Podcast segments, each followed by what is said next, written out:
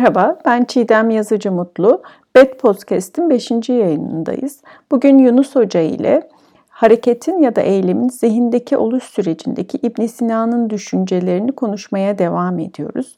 Bu ikinci bölümde bütüncül bakış açısıyla İbn Sina'nın gayri ihtiyari, ihtiyari hareket, bilinç, duyular, ortak duyu ve bellek üzerine olan fikirlerini anlamaya çalışacağız. Gayri gayri ihtiyari hareketleri İbn Sina. Evet o yani bu soruya şey yani bir aslında bir tabii bir yanıt vermek lazım. Ama ondan önce ondan önce yani yine önemsediğim bir e, ta, durumu ortaya koymak istiyorum. Neden İbn Sina bu sorunun cevabını arıyor? E, eylemler nasıl insandan ortaya çıkarmak çıkmaktadır sorusunun cevabını arıyor bu bağlamda. Şimdi onun döneminde kelamcılar vardır. Yani kelam e, bir anlamda bir tür teoloji ama tam olarak değil yani tam olarak teoloji ifade etmiyor. Kelamcıların e, en çok üzerinde durduğu konu irade özgürlüğü meselesidir. Yani iradenin nasıl özgür olduğunu ortaya koymaya çalışırlar kelamcılar. Ya da tam tersine e, e, iradenin nasıl da kısıtlı olduğunu ortaya koymaya çalışırlar. Dolayısıyla kelamın en önemli konusudur. Ve tabi İbn Sina da yine bu dönemde yaşadığı için o da onun açısından da bu soru önemli. Ama kelamcılar bu tür konulara girmezler. Yani işte imgelem, bellek, ondan sonra duyum, ve bu bağlamda bir psikolojik tahlil yaparak eylemlerin nasıl ortaya çıktığını pek fazla izah etmezler. Pek fazla bu konuya girmezler kelamcılar. Ama ibn Sina onlardan farklı olarak aynı soruyu ya da benzer bir soruyu bu sefer e, psikolojinin kavramları içerisinden bu soruyu ortaya koymaya çalışıyor. Dolayısıyla bu da yine kültürel anlamda, çevre anlamında e, ibn Sina açısından bu sorunun cevabını aramak e, bir motivasyon kaynağı e, olabilir. Şimdi şeye gelecek olursak, e, e, soruya e, gelecek olursak, insanı düşündüğümüz zaman e, ya da insanın davranışlarını, bilme sürecini düşündüğümüz zaman aslında iki tür aşama vardır. Bir aşama tüm hayvanlarla olan, tüm e, hayvanlarla ya da duysal varlıklarla ortak olan tarafımızdır. İşte imgelem, bellek, arzu, öfke tüm e, du, e, ne diyelim duyumsayan varlıklarda ya da tüm hayvanlarda vardır. Ama düşünceyle insan onlardan e, ayrışmaktadır. Şimdi düşüncenin dahil olduğu e, bu süreç içerisinde bu istek e, ist, e, davranışlarımızda ya da isteklerimizde düşünce bu işin içerisindeyse bir anlamda pratik akıl bu işin içerisindeyse o zaman yapılan eylem bir anlamda ihtiyari harekettir. Tercihli bir e, harekettir. Burada ihtiyar denilmesinin sebebi ya da tercih denilmesinin sebebi şu bir tereddütle birlikte meydana gelmiş olmasıdır. Yani çünkü neticede orada bir tereddüt var. Yani akıl ile arzu arasında gerçekleşen bir çatışmanın eseridir aslında ortaya konulan hareket. O yüzden zaten e, ihtiyari bir harekettir. Ee, ama öbür e, öbür türden eğer işin içerisinde pratik akıl yoksa, düşünce yoksa, bu sadece e, işte arzuyla meydana gelmişse pekala buna da yine istemsiz e, davranışlar denilebilir. Ama daha da önemlisi bence e, İbn Sinan'ı e, İbn Sinan düşüncesini daha fazla ortaya koyan şey ve şu anda da üzerine gitmemiz gereken, araştırmamız gereken konu e, bilinç ve bilinç dışı meselesidir. Yani bilinçli olarak gösterdiğimiz davranışlar ve bilinç dışı olarak gösterdiğimiz davranışlar. Burada İbn Sina burada e, e, ayrı bölümler açarak bilinçli işte ya da bilinç dışı gibi herhangi bir kavram kullanmamış. Ama onun metinlerine baktığımız zaman pekala bir bilinç dışı teorisini, bir bilinç teorisini ortaya koymak mümkün. Çünkü kendi ifadelerinde pekala çoğu zaman arzularımızın bilinç dışı olarak meydana geldiğini ya da hayalin e, bilinçten farklı olarak bilinç olmadan hayalin meydana geldiğini, imgelemin meydana geldiğini pek çok yerde e, söylüyor ki ileriki programımızın ilerleyen kısımlarında da e, buraya da e, dikkat çekmemiz gerekiyor. Dolayısıyla e, e, ibn Sina e, bilinçli ve bilinç dışı iki ayrım yaptığına göre ve pekala bir takım arzuların, imgelemin bilinç dışı olarak da meydana geldiğini söylediğine göre e, acaba bir ibn Sina dikkate al, e, ibn Sina ekseninde bir bilinç dışı teorisi ortaya konulabilir mi? E, bu soru bence önemli bir e, soru ve şu anki araştırmacıları da pekala belki e, motive edebilecek bir e, sorudur. Çok güzel bir konuya değindiniz. Bilinç konusu. İbn Sina için bilinç nedir?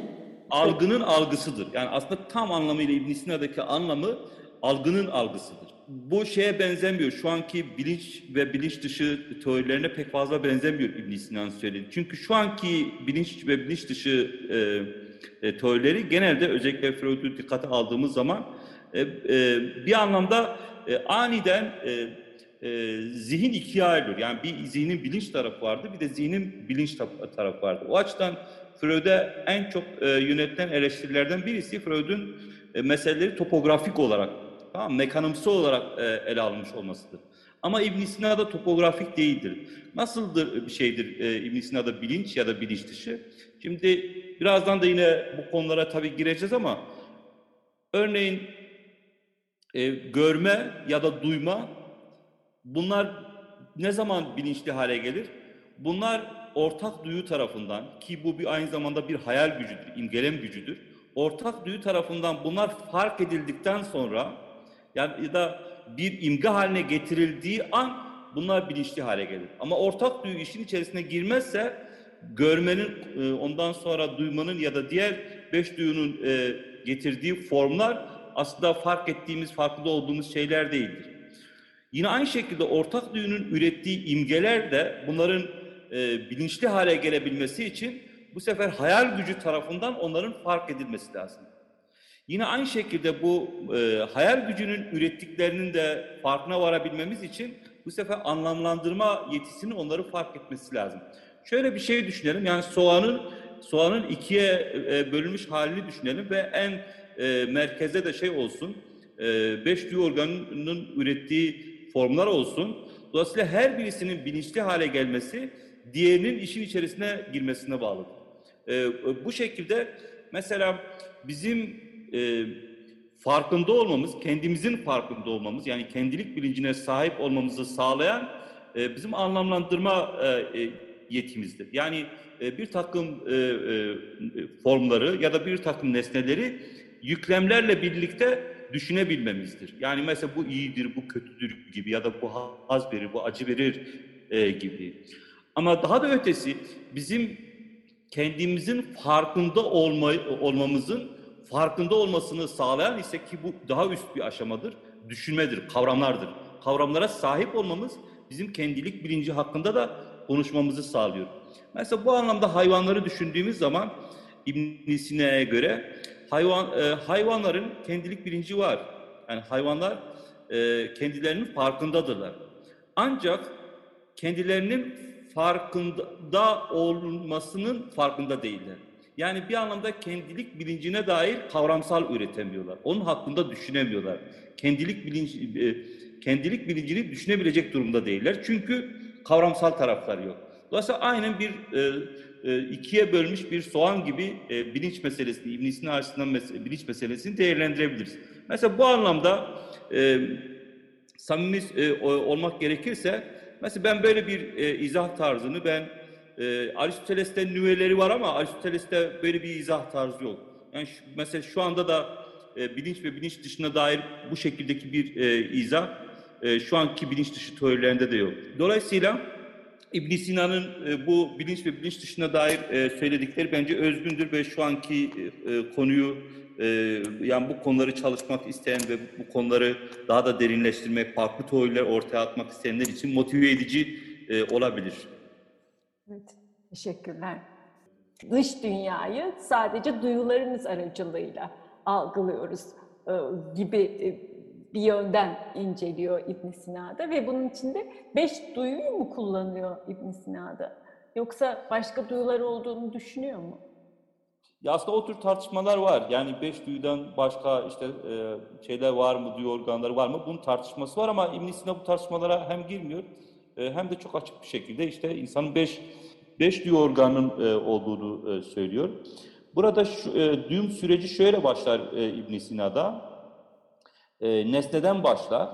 E, nesnedeki form ya da şekil diyelim e, e, hava aracılığıyla ya da işte doğal atmosfer, e, hava diyor kendisi. Hava aracılığıyla ilgili duyu organına gelir, çarpar e, ve burada bir, bir şey oluşur, bir e, algı oluşur. Burada e, ibn Sina'nın yine Aristoteles çizgide olduğunu söyleyelim. Çünkü farklı bir açıklama da var. Mesela Platon'un bir açıklaması var. Platon'da işler bu şekilde değil. Mesela görme söz konusu olduğu zaman gözden başlar. Mesela Platon'da gözden başlar. E, ışın gözden e, gözden gider nesneye ve bu şekilde bir şey oluşur, bir e, görme olayı gerçekleşir. Ama Aristoteles, ibn Sina ve işte bu şekildeki Aristotelesçi çizgide nesneden başlar. Nesneden şeklin hava kanalıyla göze gelmesiyle başlar. Bu işte e, e, göze gelmesi olayına bir anlamda duysal idrak diyebiliriz. Ancak e, tam da yine kendi ifadesiyle henüz algı oluşmuş değil. Yani göze gelmiş olması, kulağa gelmiş olması yeterli değildir. Yani biraz önceki o soğan şeyinde söylediğimiz gibi bunun farkında olması için bir üst yetinin devreye girmesi lazım ki bir üst yeti de işte ortak duyudur. Yani ortak duyu devreye girdiği zaman aslında asıl e, algı meydana gelir, duyum e, gerçekleşir. Evet, aslında biz şeyde e, şu anda da benzer şeyleri anlatıyoruz öğrencileri.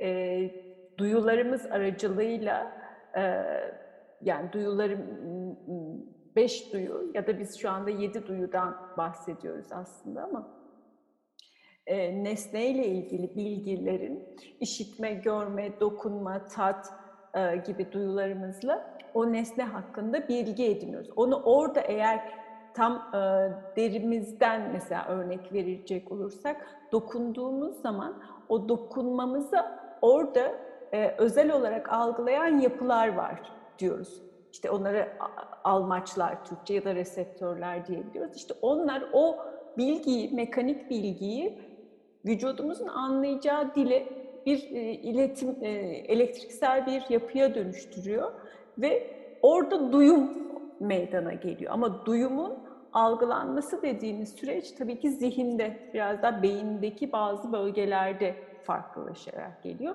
Aslında bunu e, baktığımızda ibn Sina'da benzer şekilde açıklıyor. Evet. Daha detaylı hani yerleri, e, lokalizasyonları çünkü o dönemdeki teknoloji de hani bunları belirlemek için yeterli değil. Hani bunları bu şekilde açıklaması bence çok e, güzel olarak görüyorum. Bir de biz denge konusunda hiçbir şey söylüyor mu? Bizim çünkü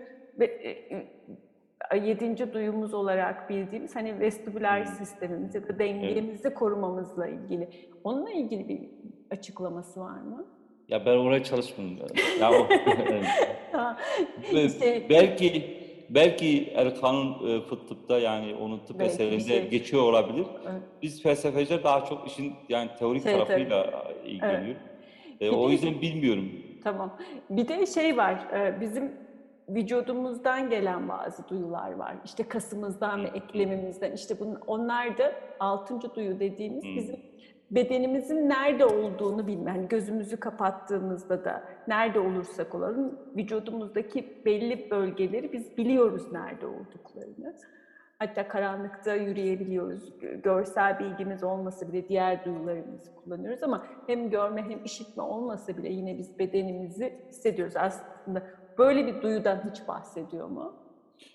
Yani benim bildiğim, e, e, ben Hı. bilmiyorum ama şunu söyleyebilirim. 9. yüzyılda, e, 9. yüzyılda buna dair çok tartışma var. Yani e, o yüzden e, bir kabul değildir. Mesela 9. yüzyıl, tabi o zamanlar şey yok. Yani ibn Sina, Farabi, on, hatta Kindi bile yok. Yani e, şey var işte daha farklı e, kelamcılar var, Cahız, Kazam gibi. Onlar bu meseleleri bayağı bir tartışıyorlar. Yani beş duyumuz mu var, altı mı var, altıncısı nedir, yedincisi nedir? Buna dair bayağı bir e, 9. yüzyıl tartışmaların olduğunu söyleyebilirim. Ama İbn Sina çok duyularla ilgilenmemiş. Ya da ben bilmiyor, ben ben de bilmiyor olabilirim. Evet. Ama şeyden bahsediyor, bir ortak duyudan bahsediyor. Evet. Bu e, algılanmış e, duyuların e, bu duyumların aslında algılandığı zihinsel olarak birleştirildiği yer gibi mi ifade e, ediyor? Evet. Ya aslında ortak duyunun gerçekten çok işlevi var. Yani birincisi yer olarak e, yer olarak başımızın en ön e, tarafında yer alıyor. E, ibn Sina onu orada lokalize ediyor.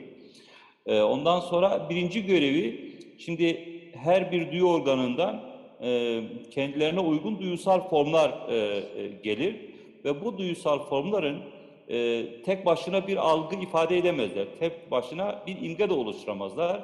O yüzden bir imgenin oluşması için bunların bir araya getirilmesi lazım. İşte burada ortak duyunun birinci görevi farklı duysal formları, duysal şekilleri bir araya getirmektir. Örneğin işte kendilerinin sıkça verdiği örnekle söylersek e, her bir duyu organı e, balın bir yönünü e, e, algılar ama neticede bala ilişkin bir imgenin oluşması için balın renginin, kokusunun, tadının hatta çıkardığı sesin tüm bunların bir araya getir getirmesi lazım. Burada ortak duyunun birinci görevi bunları bir araya getirmektir. Ama sadece bu değil. Bu sadece birinci görev. Ee, ikinci görev, şimdi neticede e, milyonlarca imge oluşacaktır. Ve ortak duyu bu imgeleri farklı imgelerden de ayrıştırır. E, dolayısıyla ikinci görevi ayrıştırmadır. E, üçüncü görevi, e, ortak duyunun e, üçüncü görevi onu ortak e, duyusallarla birlikte el, almaktır. Ortak duyusallarla e, birlikte almak şu anlama gelir. Neticede her e, nesnenin e, bir takım şeyleri vardır, bir takım ilinekleri vardır. İşte ne de, şey gibi, zamanı gibi, mekanı, etki, edilgi, ondan sonra gibi e, ilinekleri vardır. Onlarla birlikte e, onları e, alır ortak. Bu da yine ortak dün önemli bir özelliği. Ama Yani- bir de Kendi içinde bir şekilde kategorize e, tabii olarak. ki Lo- evet evet. Benim en şaş çok şaşırdığım ise yani en çok önemsediğim ise şimdi biraz önce de aslında temas etmiştik. Ee, ibn Sina'da e, zihinsel süreç duyumla başta başlayıp düşünceyle aslında bitmez. Tam tersi de gerçekleşir.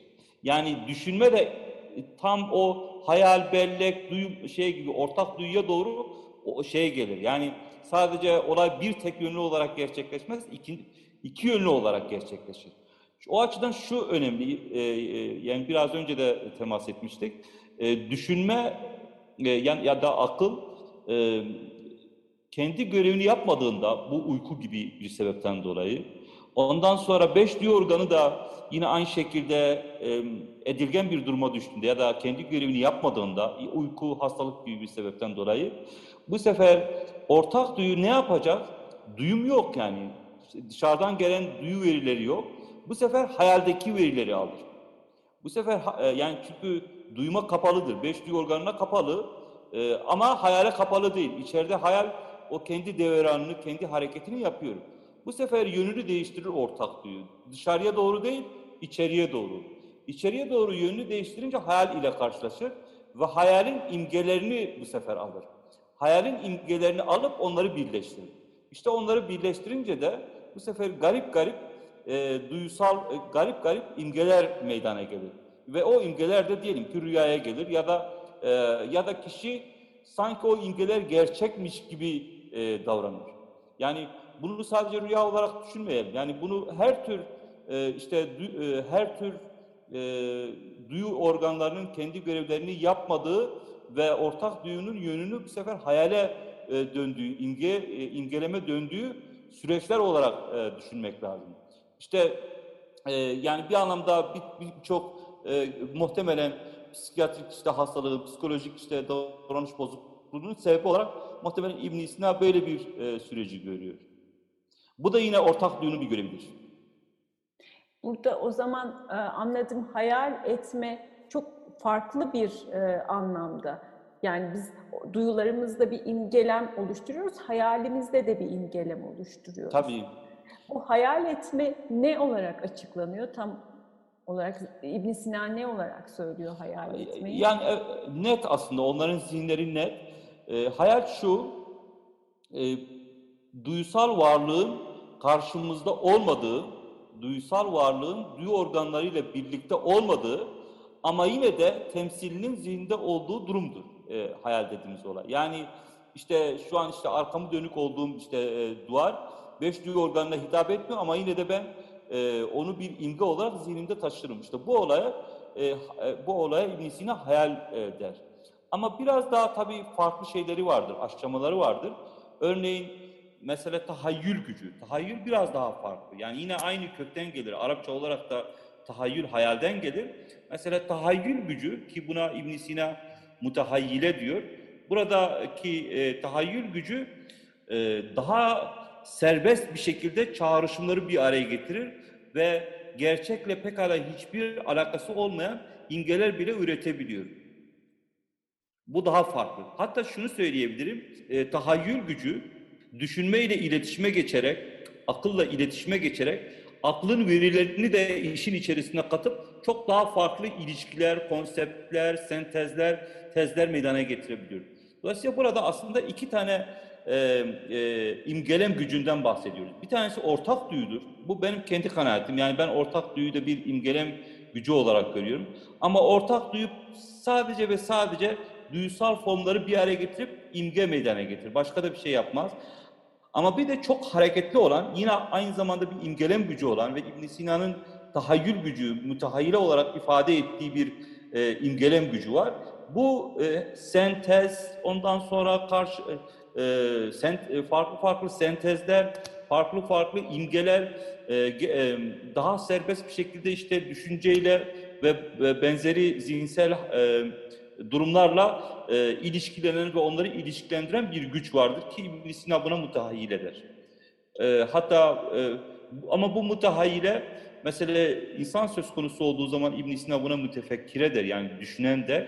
E, yani hayal ve düşünmenin iç içe geçtiği, karıştığı, olabildiğince e, aktif ve olabildiğince aklımıza gelmedik imgeler üreten bir güçtür. O açıdan da ortak duyudan farklıdır. İşte burada biraz önce anlattığımız o süreçte şey kendisini e, tahayyül gücü önemli e, fark ettiriyor. E, ortak duyu dışa kapalı olduğu zaman, dış organlara kapalı olduğu zaman bu sefer ister istemez yönünü e, hayal gücüne, tahayyül gücüne döndürüyor. Bu sefer de kendi zihninde hiç e, umulmadık imgeler e, meydana getirebiliyor. Hareketin bu şekilde yani ortak duyu dediğimiz biz buna duysal entegrasyon da diyebiliriz. Duysal bütün bilgilerin birleştirilmesi. Şimdi bu, bilginin aslında bizim hareket etmemizde de kullandığımız zemin bilgisini oluşturuyor ya da hayal ettiğimiz bir şeyi de yapmayı istediğimiz bir şey içinde bunların hepsi aslında bizim background hareket etmemiz öncesindeki bilgileri oluşturuyor. Bunlar oluşurken bir de bizim bu hareketi yapıp yap ya da yapma arasında bir karar verme sürecimiz var. Yani evet. ondan önce de bizi durduran ya da aktifleyen bir durum var. İbn Sina bunun hakkında bir şey söylüyor mu? Evet. Şimdi yani eğer, eğer toparlayacak olursak aslında tüm bu anlattığımız süreçler e, o ta programın başında e, eylem nasıl meydana gelir dediğimiz zaman e, dört aşamadan e, bahsetmiştik ve birincisi istemenin konusunun meydana gelmesiydi. Aslında tüm bu şu ana kadar anlattığımız e, açıklamalar istemenin konusu olan, istemenin konusunun meydana gelmesini ifade ediyordu. Yani bir anlamda algının oluşmasıydı. İşte şimdi aslında ikinci aşamaya geçiyoruz. Yani tam da sizin söylediğiniz gibi neticede bu algıdan sonra yani bir ballı mesele düşünecek olursak e, işte balın e, şekli vardır, rengi vardır, bir de tatlı olması vardır ya da başka bir nesnenin acı olması vardır. Ve bu organizmaya e, zevklidir ya da değildir ya da lezzetlidir ya da değildir ya da acıdır gibi bir şey verecektir. Bir e, bilgi sağlar ya da bir veri sağlar. Bu veriden sonra bu sefer organizma ya da hayvan ya da insan bunu e, e, isteyecek ya da reddedecektir. İbn Sina bu istemeye arzu der, şevk der daha doğrusu yani Arapça ifadeyle. İst, reddetmeye de öfke diyorlar, e, gadap diyorlar. Yani çünkü insanın bu şekilde iki tane gücü vardır. Hareketle ilgili iki gücü vardır. Bir işte arzu gücü, bir de öfke gücü. Şimdi peki arzu nedir? Ee, aslında İbn Sina Bey açık açık söylemez ama onun birçok metnini bir araya getirdiğimiz zaman aslında arzu da bir tür şeydir, bir algıdır. Arzu da bir tür hayaldir. İbn Sina'nın metinlerinde bu çok rahattır. Yani bir hayalin arzuya dönüşmesi, arzunun başka bir şeye dönüşmesi gayet gayet e, mümkün olan bir şeydir e, İbn Sina'nın e, düşüncesinde. Dolayısıyla e, e, bir anlamda arzu nedir? Arzu bir eylemin lezzetli ya da acı ya da iyi ya da kötü e, gibi e, bir yüklemle birlikte onun istenilmesidir e, arzu. E, öfke ise onun bir anlamda reddedilmesidir. Ama süreç tabii bu kadar kolay değil. Yani bu hayvanlar için söz konusu olduğu zaman e, bu kadar kolay olabilir. Ama e, insan söz konusu olduğu zaman ki işin içerisinde bu sefer e, akıl giriyor. E, bu kadar kolay değildir. İbn Sina'da akıl da iki e, iki çeşittir. Bir teorik akıl var. İşte bizim diyelim ki kendisiyle felsefe yaptığımız, düşünce ürettiğimiz, kavram ürettiğimiz bir akıl. E, bir de eylemlerin iyi veya kötü olmasına karar veren, bir anlamda irade olarak e, belki e, düşünebileceğimiz pratik e, akıl var. Burada işte pratik akıl gücünü teorik akıldan alır. Çünkü pratik akıl ya da bu buna irade de diyebiliriz. E, bir eylemin iyi ve neden iyi, iyi ya da neden kötü olduğunu ya da iyi veya kötü olup olmadığının ölçütünü teorik akıldan alır. O gücünü akıldan alır bir anlamda. İşte bu şekildeki bir pratik akıl arzuyla gerekirse çatışmaya girer. Yani çünkü e, arzunun isteği farklı olabilir, pratik aklın e, isteği farklı olabilir. Uygunsa ne ala. Ama uygun değilse bir şey e, bir çatışma yaşanır. Hangisine karar verilecek? Ama burada özellikle ben şunu söylemem lazım. Aslında e, pratik akıl, e, akıl ya, ya da kendisiyle arzuya engel olmaz. Çünkü kendisi bir düşünmedir. Yani nasıl arzuya engel olsun? Öfkeyi devreye koyarak bir başka e, duyguyu, bir başka bedensel olanı, bedensel e, bir durumu devreye koyarak, koyarak arzuya engel olur. Yoksa kendisi aslında engel olmaz. İbn Sina'nın düşüncesinde. Yani arzu öfkeyle, buna sadece öfke demeyebiliriz mesela. Korku da diyebiliriz. Fark etmez yani. Bir duygu başka bir duyguyla e, engellenir e, bu düşüncede. İşte bu şekilde bir e, e, gayet İbn Sina'nın komplike bir şekilde anlattığı e, duyguların birbirlerini desteklemesi ya da birbirlerini engellemesine dönük İbn Sina'nın birçok şey vardır, metni vardır işte. Orada arzu, öfke, korku ve bu tür duyguların birbirlerini nasıl desteklediği, nasıl engellediğini e, gayet iyi bir şekilde izah ediyor. Bedenle ilişkisini. Bu söylediğimiz şeyler yap yapma yani hareket açısından söylersek aslında beyindeki motor alanlardaki bir bölgenin görevi. Yani o bölgedeki gelen bilgilere göre kendi içinde bir e, dengeleme yapıyor ve yapıp yapılmayacağına bir şekilde karar veriyor. Ve biz burada da hep açıklarken bir inhibisyondan bahsediyoruz. Yani bir negatifleme, bir ortadan kaldırma şeklinde. Tabii burada sizin söyledikleriniz arzu ve öfke gibi yani duyguları ifade eden kelimeleri kullandığınız zaman farklı bir anlamlarmış gibi geliyor. Ama aslında gelen bilgi biz şöyle e, bunları e, şey yapıyoruz. Gelen bilgi de bize bir uyarıcı bilgi geliyor. Bir de inhibe edici yani onu yok edici bilgi geliyor. Görevi ortadan kaldırıcı. Evet. Bunların arasındaki bir denge sonucunda oluyor. Ama şunu da biliyoruz ki bütün bunlar aslında bizim zihnimizdeki olan bilgiler üzerine yani bizim hafızamızdaki, belleğimizdeki olan yapılar üzerinde oluyor. Ee, ibn Sina için hareketle ilgili böyle bir e, bellek tanımlaması, hareketin nasıl kodlandığını yani hareketi nasıl öğrendiğimiz ya da onu nasıl zihnimizde biriktirdiğimizle ilgili bir açıklaması var mı? Evet. Hatta e, bellek önemli yani İbn Sina açısından da önemli. E, iki tür e, bellekten bahsediyor e, ibn Sina. E, birincisi o demin anlattığımız e, ortak duyunun ürettiği imgelerin kopyalandığı bir bellek vardır. Bu bellek yani birinci bellek diyeyim ben buna. Ortak duyudan hemen sonraki bir bellektir bu. Birinci bellek iki şey depolar. Birincisi ortak duyunun ürettiği imgeleri depolar. E, ikincisi e, tahayyül gücünün yani daha karmaşık olan e, imgelem gücünün e, ürettiği imgeleri depolar. Bu şekilde hem kendisinden öncekinin hem kendisinden sonraki e, imgeleri depolar. Diğer bellek ise yani ikinci bellek ise onun işi biraz daha farklı. Çünkü ikinci bellek, e, ikinci belleğin depolama alanı e, bizim zihnimizde kurduğumuz sentezler ve bu sentezlerin e, yüklemli halidir. Yani iyi, kötü gibi e, yüklemli halidir e, ikinci bellek. Dolayısıyla İbn Sina yine açık bir şekilde e, eylemlerin ikinci bellekte. Bu ikinci bellek bir anlamda düşünmeye en yakın e, bellektir yani. E, ikinci bellekte depolandığını söyler. Ve, e, Buna göre bizim işte e, alışkanlık haline getirdiğimiz işler, e, kabiliyetlerimiz, ondan sonra e, bizim eylemlerimiz, tüm bunların hepsi e, şeyde ikinci bellekte depolanır. Ama ikinci bellekte bir şey olarak depolanır. Yani aslında nötr bir şeyler olarak değil, e, kendilerine bir yüklem verilmiş olarak. Yani bizim kendileriyle olan tecrübemizi de işin içerisine katmış olarak depolanırlar İb- İbn Sina açısından. E, bu da ikinci belleğin e, işidir bu düşünceleri. Çok teşekkür ederim. Eyvallah ben teşekkür ederim sağ olun. Yani birçok e, farklı alandan, e, farklı konulardan bize çok güzel bilgiler verdiniz. Sizin benim sorularım dışında eklemek istediğiniz bir şey var mı? Son Şimdi- söz olarak alayım. Ya ben aslında şöyle diyeyim, e, çünkü neticede burada e, biz şu an e, bir anlamda e, klasik bir psikoloji kitabının, e, diyelim ki İbn Sina'nın psikoloji kitabının aslında baştan sonuna doğru geliyoruz. Yani muhtemelen şu an eğer kitabı takip etmiş olsaydık bir üçte ikisini e, e, e, takip etmiş olurduk. Dolayısıyla son bir kısım var. O kısmı belki anlatmayayım ama en az da son kısımda nelerin olduğunu, yani bundan sonraki kısmının ne olduğunu e, ben söyleyeyim. İbn Sina açısından bundan sonrası düşünmenin işidir artık.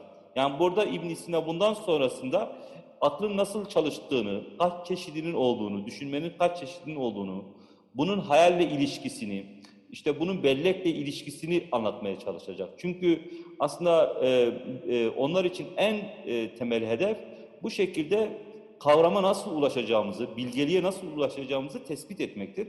Bu bizim geride biz şeyi bıraktık. Yani düşüncenin kısımlarını ve düşüncenin nasıl meydana geldiğini e, biz bıraktık. Artık o da başka bir zamana veya başka bir e, programa veya veya bizi dinleyenler eğer onlar için e, dikkat çekiciyse kendileri okurlar e, değil. Teşekkür Hocam ederim. ben o konuda çok zayıf. Şey kısmına girince iş daha e, komplike Evet. hale geliyor. O yüzden çok teşekkür ediyorum. Ben teşekkür ederim Sağ hocam. olun. Eyvallah sağ olun. Teşekkür ederim bu fırsatı verdiğiniz için. Rica ederim. İbn Sina ve onun hareket üzerindeki düşüncelerini bize aktaran Yunus Hoca ile olan yayınımızı burada tamamlıyoruz. Bir sonraki yayında görüşmek dileğiyle. Sağlıcakla kalın.